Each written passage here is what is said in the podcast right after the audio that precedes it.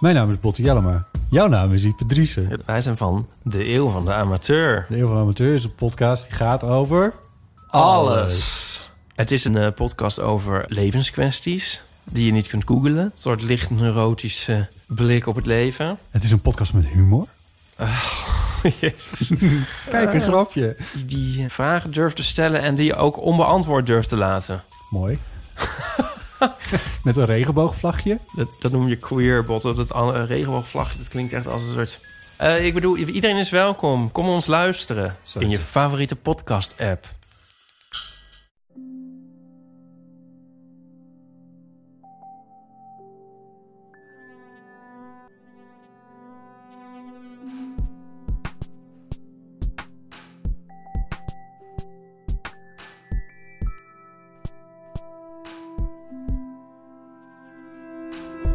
Hey, ik ben Pieter van Relaas en in Relaas hoor je waar gebeurde verhalen en die worden verteld door wie ze zelf heeft meegemaakt. Wij doen dat om elkaar beter te begrijpen, maar soms zijn er ook wel situaties die we niet goed kunnen begrijpen, omdat we er bijvoorbeeld geen toegang tot krijgen of omdat ze zo onwezenlijk, absurd of onbereikbaar zijn. Het verhaal van Tim Theo is zo'n verhaal. Hij vertelde het in Husset in Gent.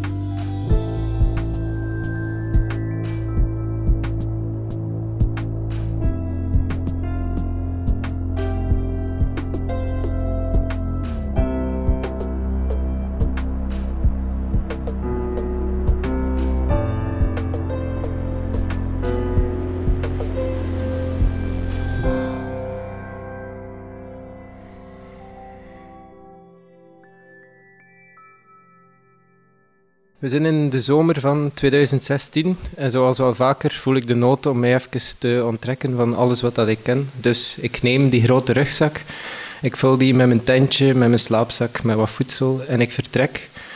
Ehm, het plan is om tot Georgië door te reizen en daar in de Caucasus een vriend te ontmoeten en samen de bergketen te doorwandelen. Ehm, alleen is er een klein verschil met andere jaren. Normaal steek ik gewoon iedere grens over eh, met één stapje en vergt dat niet zoveel moeite. Ehm, maar dit is het jaar waarin er eh, een verandering plaatsvindt, dat er niet meer zomaar sprake is van een migratiegolf, maar van een migratiecrisis. Ehm, en ook in die bewoordingen verandert ook de aanpak. Dus de grenscontroles worden aangescherpt eh, met sterke bewaking, eh, paspoortcontroles, leiden tot grote files aan de grenzen. Wat dat voor mij enigszins een voordeel is, want dat zorgt dat ik iets sneller aan een lift geraak. Ehm, dus zo op een bepaald moment zit ik in een zwarte BMW van een Turk die op weg is van Frankrijk naar Turkije om het einde van de Ramadan te vieren. Eh, en die zet mij af aan de grens met Turkije, aan eh, de grenspost. Ehm, daar probeer ik alle documenten geregeld te krijgen om toegang tot het land te krijgen. En dat duurt me wel even. Ik word een beetje van hot naar, het, van hot naar her gestuurd. eh, van kantoortje B7 eh, door de Groene Poort naar eh, lokaal B2 en dan naar eh, kotje 44 of zoiets. En uiteindelijk, na veel moeite, krijg ik een sticker en een stempel die mij vrij verklaart om Turkije binnen te treden. Ehm, ik neem even een pauze, het is laat in de nacht en om 12 uur klinkt door de minaretten van de moskee op de grens het Allahu Akbar. En eh, binnen enkele dagen loopt de Ramadan af, dus ik neem mij voor om ehm lokum te kopen. Dat is zo het Turks fruit dat iedereen misschien wel kent. Eh, en dat is een traditie om op het einde van de Ramadan dat te delen met elkaar. Dus ik dacht, als iemand mij een lift heeft, dan kan ik hem een snoepje geven in de plaats. eh, en deel uitmaken van de gebruiken die hier gelden. Ehm, dus ik probeer een beetje al mijn ideeën te laten varen. Het was de eerste keer dat ik naar een moslimland ging. Ehm, en gewoon ontvankelijk te zijn voor alles wat er gebeurt. Ehm, nu, het was laat, dus eh, ik stap nog enkele kilometers en dan zoek ik een donker bosje waar ik mijn tentje opsla aan de Evros. Dat is de rivier die Turkije scheidt van Bulgarije. Ehm, en de dag erna word ik met grootse plannen en veel vooruitzichten voor de ontdekking naar voor liggen wakker. Eh, het is veel te warm, dus eh, het eerste wat ik doe is mezelf een vluchtig wasje geven aan de rivier en me een beetje uitstrekken, want ik was een beetje stram van het lange onderweg. Ehm, wanneer ik mij omdraai, dat ik uitkijk naar een goed stevig ontbijt, ehm, zie ik plots drie mannen achter mij, zwaar bewapend met kalasjnikovs. Eh, en ze manen mij aan mijn boeltje op te pakken, eh, wat dat even duurt. Dus dat is ook best wel vreemd om onder dwang van vier eh, drie militairen met een zwaar geweer zo rustig je tentje op te ruimen. Ze zeggen niet veel, ik probeer te communiceren met hen, ik probeer te vragen wat er aan de hand is, maar blijkbaar is hun Engels beneden alle pijl of is, mankeert het eerder aan de wil om te communiceren met mij. Ehm, dus ze begeleiden mij bovenop de heuvel, waar dat er nog uh, twee andere militairen staan te wachten.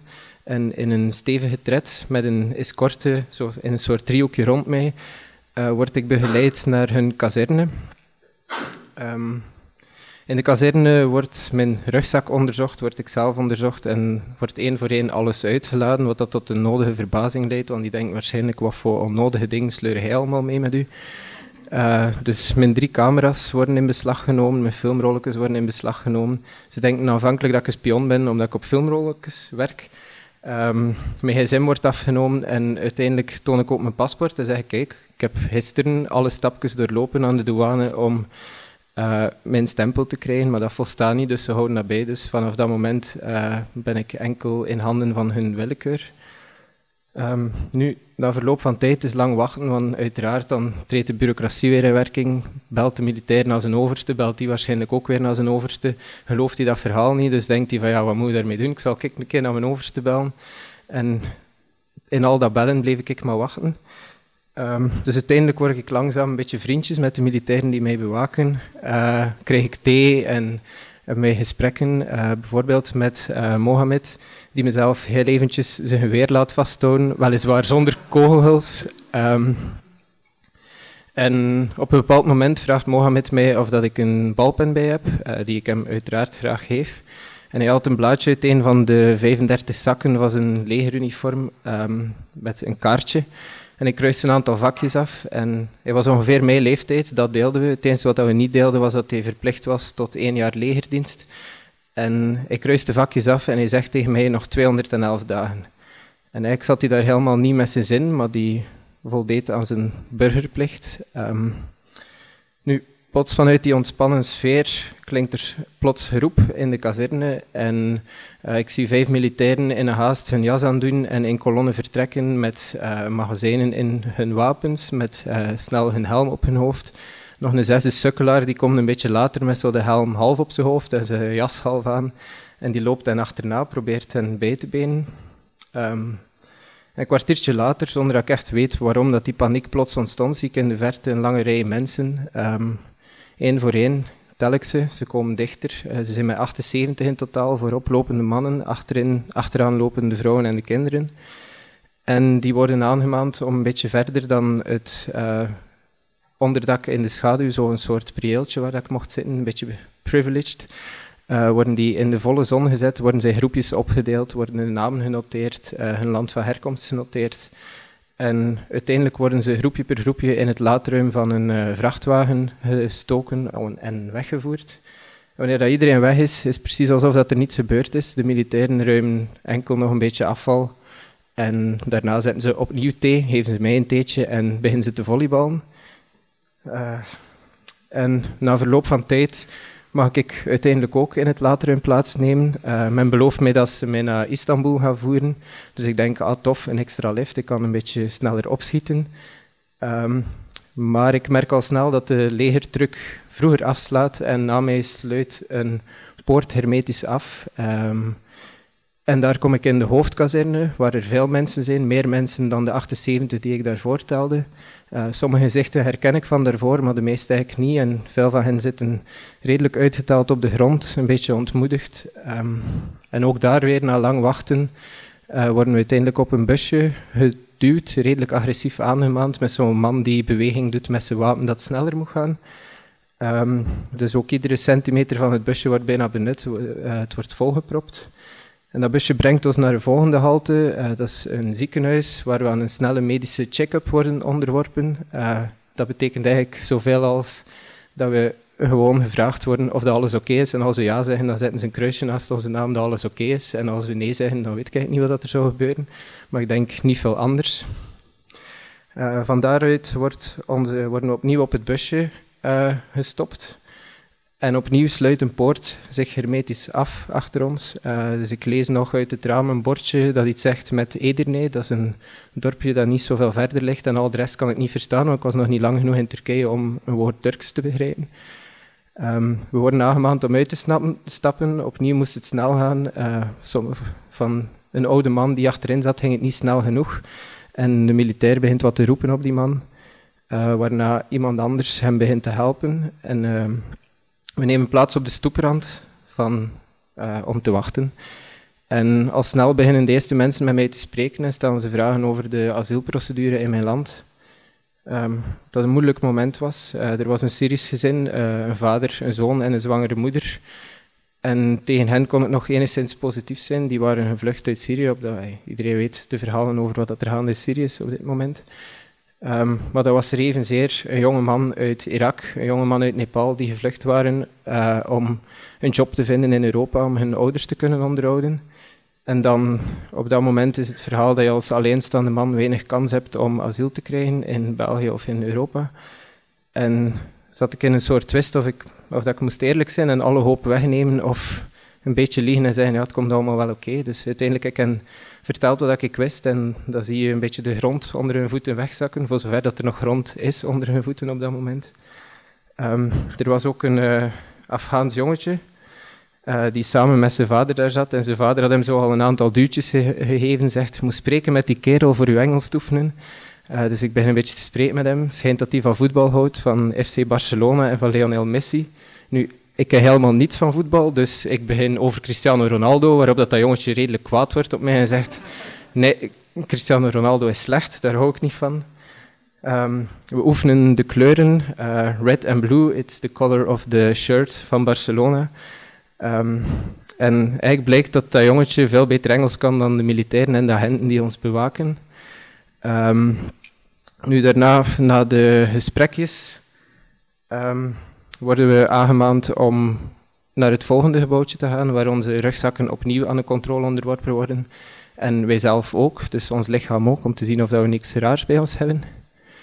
Uh, en van daaruit raakt eigenlijk alles in een soort stroomversnelling. De mannen worden van de vrouwen gescheiden, uh, de kinderen gaan mee met de vrouwen, dus het Afghaanse jongetje neemt nog snel afscheid van zijn papa. En uh, het volgende dat gebeurt is dat we een bouw doorlopen met allemaal vreemde hangen die in erbarmelijke staat zijn, met deuren die op slot zijn. En we worden in een kamertje gestopt en na ons gaat ook die deur op slot. Um, en al snel beginnen natuurlijk de mensen te vragen aan mij hoe dat ik daar terecht kom, maar ik vond die vraag niet zo relevant. Dus ik kaat de vraag terug aan hen en uh, ik hoor verhalen van mensen die van alles meegemaakt hebben, waarom ze gevlucht zijn, wat dat er gebeurd is op hun vlucht.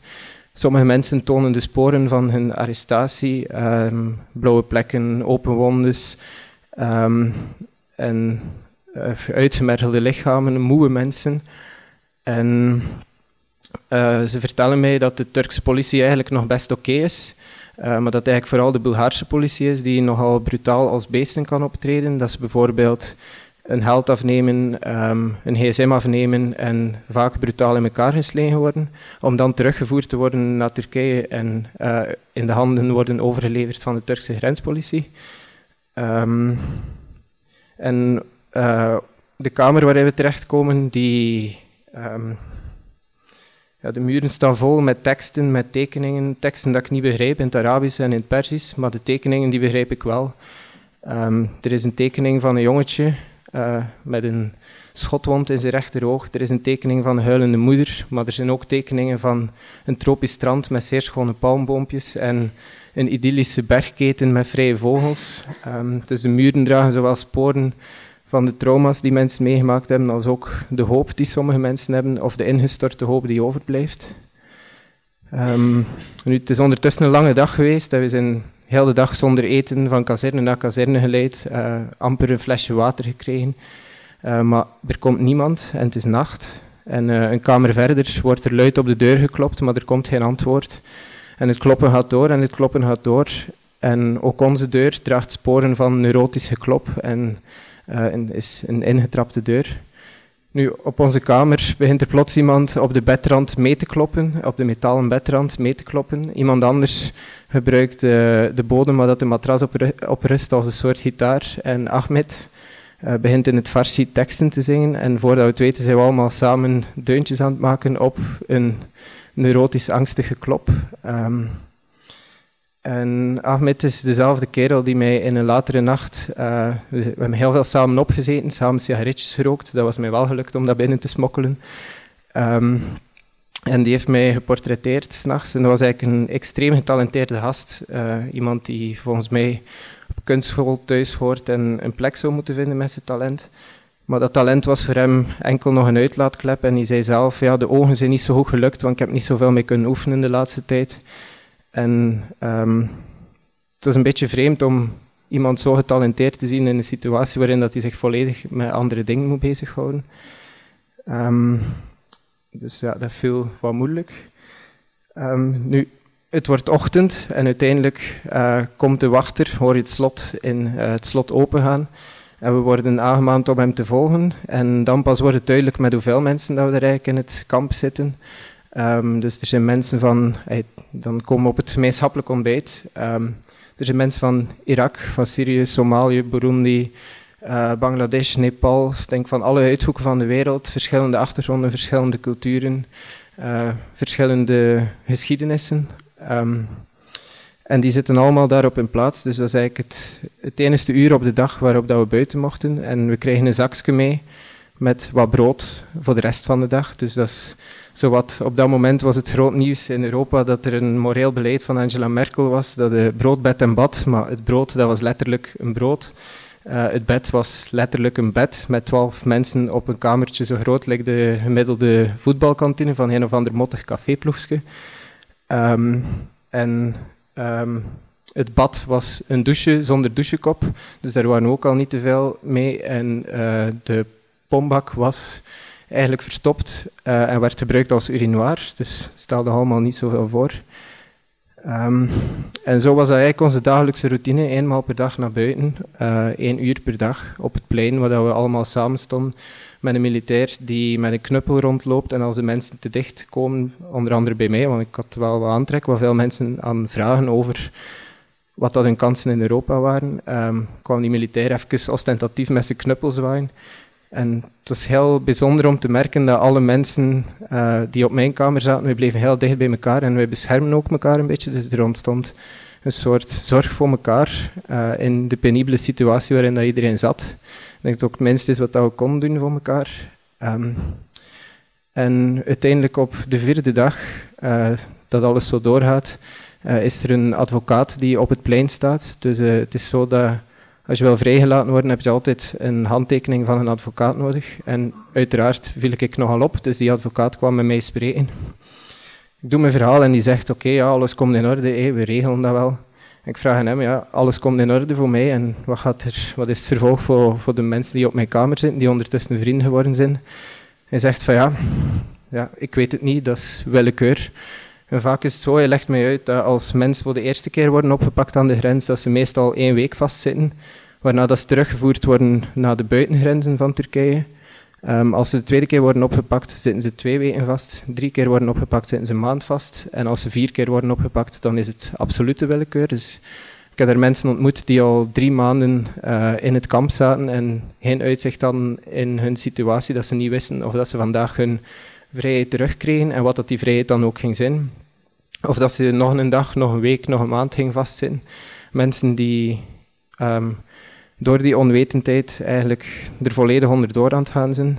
Um, nu, diezelfde dag uh, wordt het slot van de kamer opengedaan op een uur waarop dat we het niet verwachten. Dus we kijken een beetje op en uh, een man doet tegen aan mij dat ik hem moet volgen. Dus uh, er is amper de tijd om afscheid te nemen van mensen die ondertussen mijn vrienden geworden zijn. Um, ik word begeleid naar een kantoortje waar ik mijn rugzak terugkrijg, waar ik al mijn spulletjes terugkrijg. En uh, ik word in een auto gestopt en die auto brengt mij terug naar de grens met Bulgarije. Wat voelde als een zeer omgekeerde wereld. Dat was net het land waar ik vandaan kwam en waar ik van wegging. En al de mensen die ik ontmoet had, die woonden net die andere richting uit. En ik werd gedwongen om terug die richting uit te gaan. En na een soort gelijke bureaucratie, na handtekeningen op papieren die ik allemaal niet begreep, waarvan ik vroeg of ik een dubbeltje mocht, maar nooit gekregen heb, uh, wordt er een zwarte stempel in mijn paspoort gezet, uh, wat dat zoveel betekent dat ik vijf jaar Turkije niet meer binnen mocht. En dan stik je de grens terug over, wat je eerst euforisch stond, dat je eindelijk in Turkije was. Sta je nu volledig gebroken met het idee aan mensen waarvan dat je niet weet wat dat in de toekomst gaat zijn. Eh, er waren mensen die verteld hadden dat ze het nog een keer zouden proberen, maar er waren ook extremere verhalen, zo, zoals Ahmed bijvoorbeeld, die zei van ja, het is ondertussen mijn vierde keer dat ik hier zit. Ehm, als ik nu vrijkom, dan ga ik waarschijnlijk eh, met de boot naar Griekenland proberen te gaan. Eh, dus dan weet je niet hoe dat, hoe dat hun tocht afloopt. En ehm, daarna ben ik gewoon beginnen stappen en naar de eerste, de beste hoge berg geweest en daarop geklommen, mijn tentje opgezet. Daar een week gebleven, mijn notitieboekje erbij genomen, alles opgeschreven, uh, tekeningetjes gemaakt. En dan denk je, oké, ik ben zo vrij als de vrijheid die ik mezelf toeken, maar er zijn ook mensen die op zoek zijn naar de vrijheid die ze eigenlijk helemaal nog niet kennen.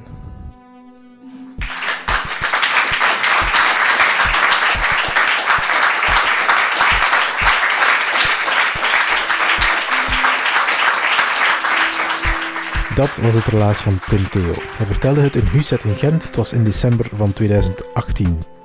Als je Tim zijn foto's wil bekijken, dan zoek je die op. Ze zijn heel mooi. Tim Theo de Koning heet die online. Relaas zou er niet zijn zonder de stad Gent en zonder de Vlaamse gemeenschap. Dankzij hun afdeling in cultuur kunnen wij elke maand in Antwerpen en in Gent een vertelavond organiseren. Dankzij hen kunnen we ook podcasts opnemen en we kunnen jullie de mooiste verhalen bezorgen. Onze dank voor Urgent FM, Den Hopzak, Huset, Pulp Deluxe en Chase is ook heel groot. En het team van Relaas is nog steeds the very best. Sarah de Smet, Erwin Gontier, Katlijn de Vries, Stefan Gruijaert, Sarah Latree, Timon van de Voorde, Lint Somers, Anneleen Schelstraten, Marlin Michels, Ruby Bernabeu Plaus, Jurgen Strooband, Steve Konaar, Charlotte Huigen, Rick Merci, Evita Nocent, Dieter van Huffel, Philip Cox, Silke Durie en ikzelf ben Pieter Blomme. En hou vooral onze Instagram of onze Facebook in de gaten. Daar vind je extra foto's van de vertelavonden, maar soms ook als er iets te beleven valt bij een verhaal, iets visueels, dan posten we dat op onze Instagram-account. Uh, je krijgt er ook een blik achter de schermen, we posten daar af en toe quotes, maar je komt er ook te weten wanneer onze volgende vertelavonden zijn. Op onze website vind je ook een deelknop. Daarmee stuur je dit verhaal dat je net gehoord hebt door naar een vriend of een vriendin. Uh, wij zijn jou daar zeer dankbaar voor en die vriend en die vriendin waarschijnlijk ook aan jou. Dankjewel.